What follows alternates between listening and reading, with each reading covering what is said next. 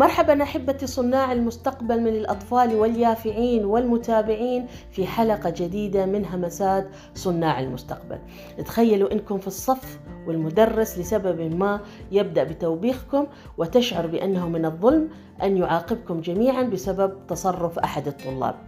تحاول توضح المسألة ولكن يساء الفهم بأنك تقلل من احترام المدرس. هل مر عليكم هذا الموقف؟ كيف تعبرون عن رأيكم دون أن يفهم بأنك تقلل من احترام المدرس أو المدرسة؟ هذا سؤال طرحته علي بنتي سارة وحبيت اليوم أشارككم وجهة نظري حول هذا الموضوع. التصرف في مثل هذا الحالة يعتمد على شقين أو مهارتين أساسيتين مهارات الذكاء العاطفي ومهارات الحوار البناء. نبدأ بمهارات الذكاء العاطفي. الذكاء العاطفي هنا معناته ضبط النفس وتفهم موقف الآخرين. لابد إنكم تنمون هذه المهارة. يعني قبل ما تبدأ وتاخذ ياخذك الحماس وتحاول إنك أنت تدافع وتكون محامي عن الطلبة أو تبرر آه، أو تحاول توجه المدرس إلى نقطة ما حاول إنك أنت تفهم وضع المدرس وتحط نفسك مكانه. تذكر إن هذا المدرس عنده فترة زمنية محددة لتقديم المادة التدريسية وإنه هو من الصبح ينتقل من صف إلى آخر ويمكن يعيد نفس المادة في أكثر من صف قبل ما يوصلكم. وتخيل إن في كل صف في ما لا يقل ما بين 20 إلى 25 طالب. لو كل صف فيه واحد من المشاغبين اللي عطل في الدرس. تخيل لو أنت كنت في مكانه شو راح تكون ردة فعلك. إذا قبل أخذ أي قرار أو الرد لابد أن نحن نلتمس العذر ونتفهم ردود أفعال وتصرفات بعض المدرسين.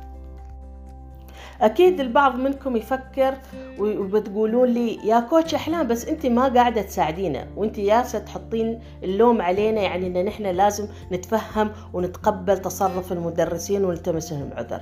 لا.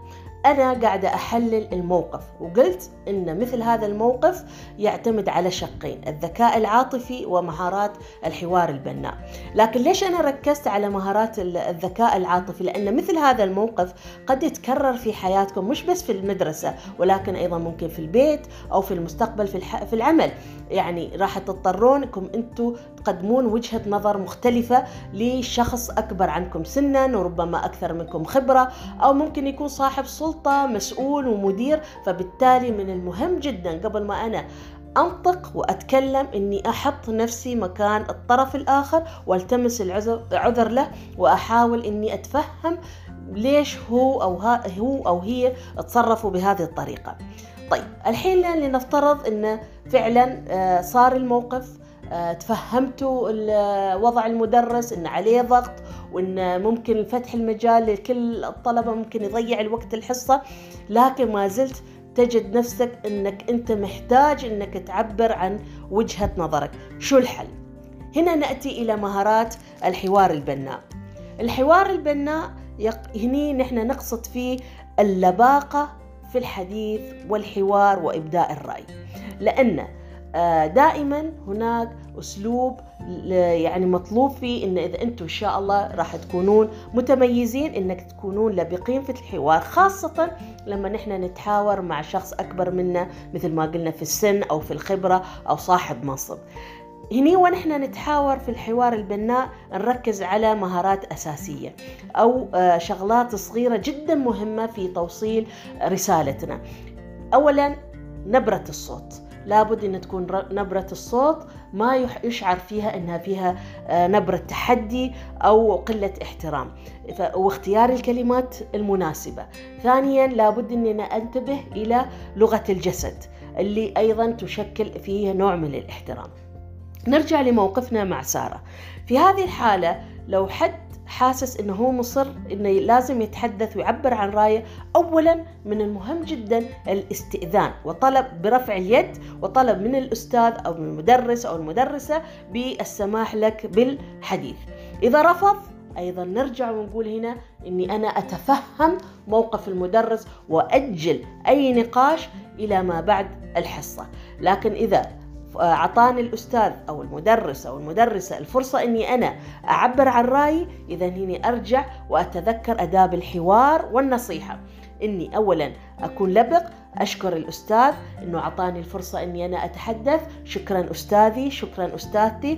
آه، اسمحي لي أو اسمح لي أنا عندي وجهة نظر مختلفة حول الموضوع اللي صار وجهة نظري كذا كذا كذا.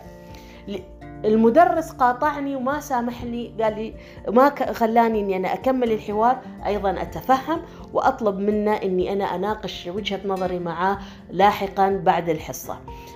ودائما نتذكروا في أي موقف أو حوار ممكن أنا يكون عندي وجهة نظر مختلفة مع الآخرين وفيها شخص كبير. دائما لو كان الحوار فيه نوع من الخصوصية يعني بيني وبين هذا الشخص راح يكون أكثر قبولا وراح يبين أكثر احتراما. لأن ممكن فعلا آه، الآخرين من الطلاب يسيئون الفهم ويفكرون إنك أنت قاعد تتحدى المدرس والمدرس يشعر بنوع من الإحراج. اذا لغة الجسد الكلمات نبرة الصوت هذه جدا مهمة في آه، التعبير عن الرأي. والأهم من هذا طبعا التوقيت المناسب. لكن أيضا نحن نتكلم عن الحوار البناء وتقريبا أبى أختم ال ال هذا التسجيل. أبى أذكر آه، على وأركز على نقطة جدا مهمة وهي اختيار وانتقاء المواضيع اللي أنا أكون طرف فيها. يعني إذا أقيم أنا أكون ذكي وفطن وأقيم. إذا أنا داخلت وعبرت عن رأيي في مثل هذا الموقف أو غيره هل لرأيي راح يكون أثر إيجابي أم سلبي؟ إذا كان مداخلتي راح يكون فيها أثر سلبي إذا أنا أكون فطن وأختار المواقف اللي آه، أنا أتحدث فيها وما أدخل نفسي في مواقف محرجة قد تعود سلبيا علي.